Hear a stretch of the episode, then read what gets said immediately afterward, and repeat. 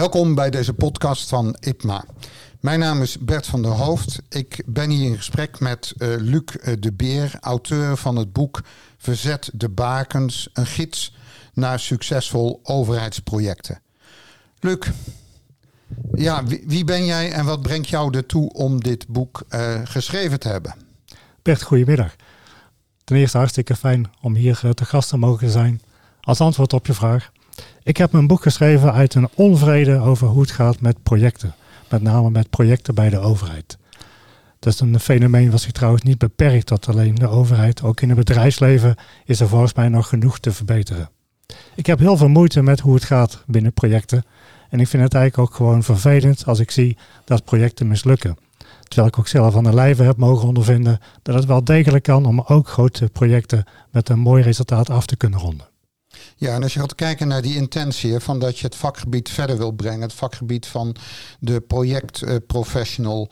Uh, wat, wat, is in, in, mijn woorden de plek der moeite? Waar hebben we moeite mee uh, in dit soort projecten? En ik weet uit eigen ervaring, maar ik kom uit de financiële wereld dat, uh, dat, dat eigenlijk wat jij aanraakt ook in andere sectoren volledig valide is en voorkomt.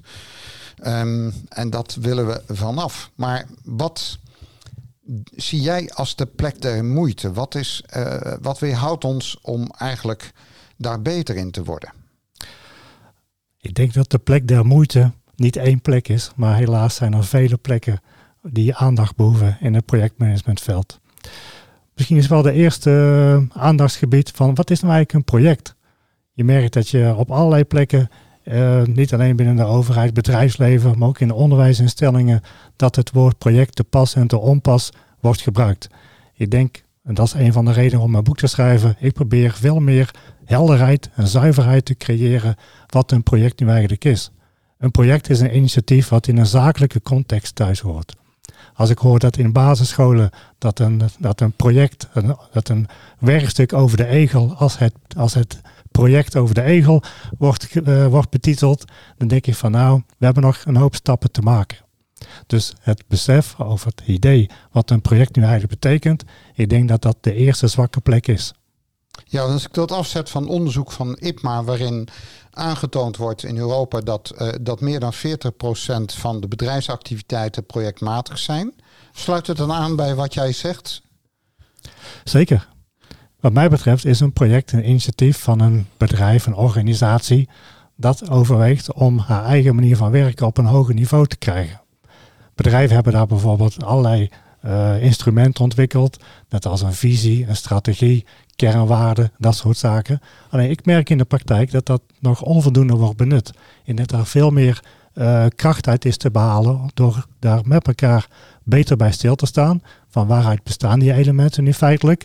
En hoe gaan we met elkaar aan de slag om die instrumenten handen en voeten te geven, om daar vorm aan te geven in de praktijk? Ja, en als je gaat kijken naar wat je, wat, dan schakel ik even terug naar uh, uh, projectmanagement in, in jouw gids, want dat is wat, uh, zoals ik er naartoe naar kijk. Het is een gids uh, op weg naar betere projecten. En het is geen uh, werkinstructie van om altijd een project goed geslaagd te krijgen. Nee, je moet erbij nadenken. En een van de, de, de, de dingen die jij meegeeft aan ons is: kijk nou niet naar het onderscheid tussen project of geen project, naar de budgetomvang of de urenomvang. Kijk naar de complexiteit ervan. Kan je dat toelichten? Zeker complexiteit is eigenlijk een, ja, een verzamelterm van alles wat lastig is of wat men heel, heel lastig kan duiden. Het woord complexiteit wordt ook vaak, net als project, te pas en te onpas gebruikt. Waar ik eigenlijk voor pleit in mijn boek, is om een project te beschouwen als een instrument binnen een bedrijf, als instrument om dat bedrijf op een hoger niveau te krijgen. En dat kan ook een bedrijf zijn, kan ook een overheidsinstelling natuurlijk zijn. Waar ik ook voor pleit, is om een project met name te zien als een instrument wat je met elkaar en wat je met elkaar als bedrijfsleiding ook vorm geeft. En dat is een van de zwakke plekken, denk ik, in projectmanagement. Projectmanagement wordt nu nog vaak gezien als een, een technisch instrument om een project te realiseren. Terwijl een project zou moeten beginnen met een reeks denkstappen van waarom zouden we dat eigenlijk niet moeten doen? En welk, welk probleem proberen we met een project nu eigenlijk op te lossen? Dat soort cruciale vragen mis ik vaak bij een project. Hoor ik dan uh, dat in, in, jouw betoog van dat je, dat je zegt van kijk, een project is een sociaal constructie. Als ik dat in mijn eigen uh, woorden vertaal, is dat uh, belangrijker dan het project levert middelen. Absoluut. Um, ik, denk, ehm, ik denk dat daar echt een deel van de oplossing bij wijze van spreken ligt. Grote projecten die de kranten halen, halen de kranten op basis van de resultaten van de uitvoering uitvoering die laat zien dat bijvoorbeeld sprake is van uitloop in tijd of geld. Alleen de basis van uitloop in tijd en geld ligt vaak niet in de uitvoering, maar in de voorbereiding van een project. En in die voorbereidende fase moet je als besluitvormers en als uitvoerders met elkaar uiteindelijk het hele traject proberen te identificeren, afspraken maken wie welke rol heeft, elkaar natuurlijk ook ondersteunen bij de uitvoering van die afspraken, om op die manier stapje voor stapje door een project te komen. En ik heb het idee dat we daar nog ongelooflijk veel winst kunnen halen met elkaar door die besluitvormers en die uitvoerders veel meer samen het werk te laten doen. Ja, en dat betekent dat, dat meer aandacht voor projecten slagen of falen bij, bij, bij de start.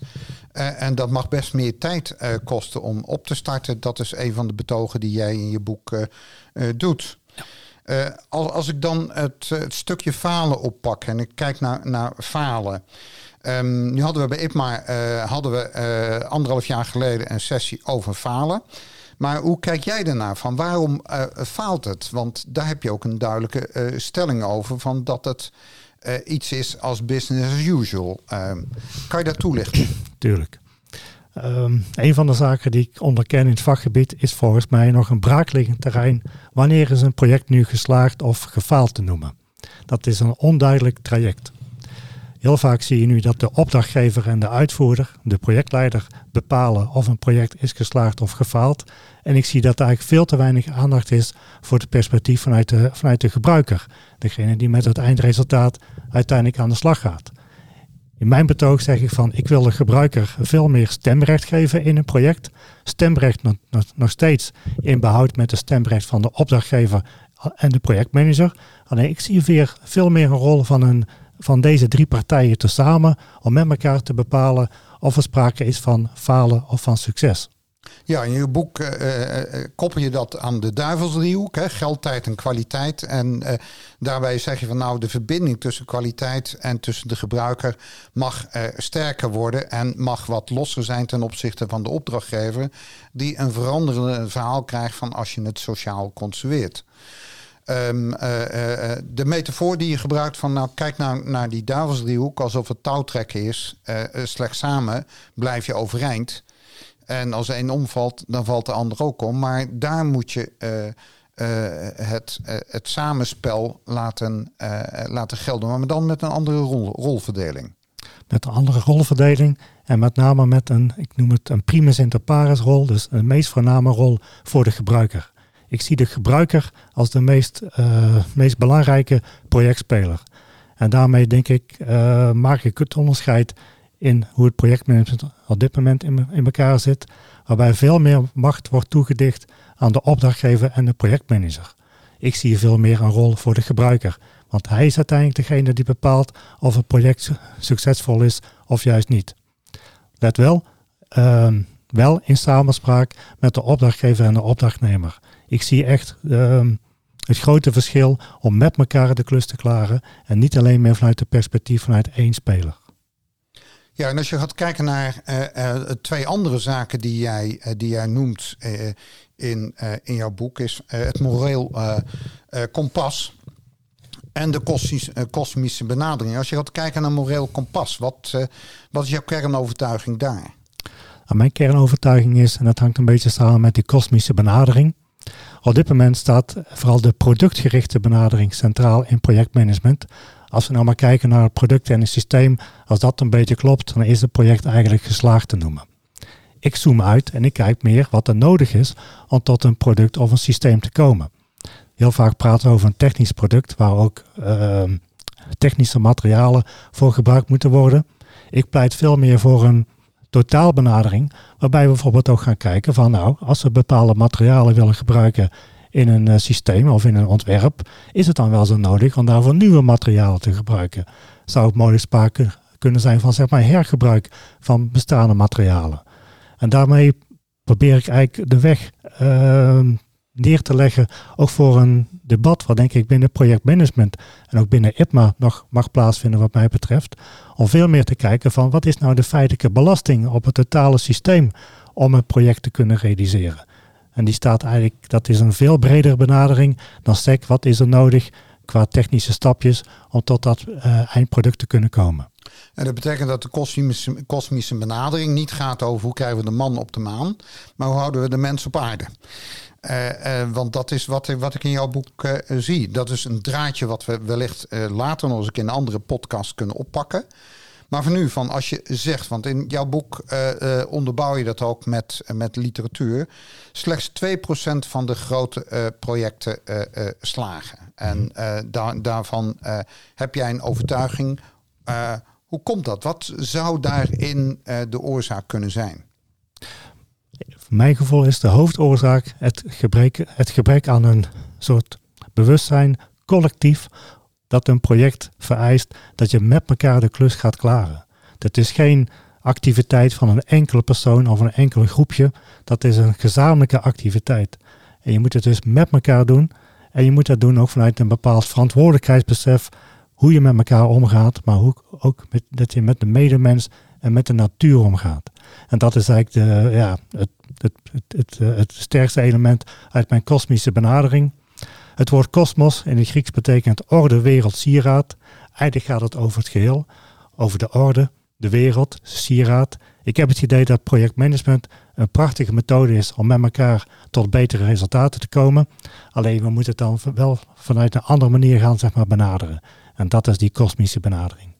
Oké, en als we gaan teruggaan naar de intentie van jouw boek, want uh, daar gaat uh, uh, dit, dit boek over. Um, ja, jij, jij probeert het vakgebied te, te, spiegelen, een ethische spiegel voorbehoudend. En je hebt in jouw boek heb je eigenlijk twee doelstellingen, twee zoektochten benoemd. het vakgebied volwassenen maken en het veranderen van het gedrag en, en de houding. Um, ik zou uh, uh, de, de luisteraars willen attenderen op het volgen van de nieuwsbrieven van, uh, van IPMA. Want we gaan natuurlijk verder in op de complexiteit van dit vraagstuk. En dat ook te voorzien van praktische instrumenten van hoe je dit zou kunnen verbeteren. En daar geeft Luc in zijn boek een handreiking voor. Maar volg onze nieuwsbrieven. Uh, Luc, uh, zou jij nog iets met de luisteraar willen, uh, willen delen? Als zij wat meer willen weten, wat, wat bied je ze dan aan? Wat kan je ze naartoe verwijzen?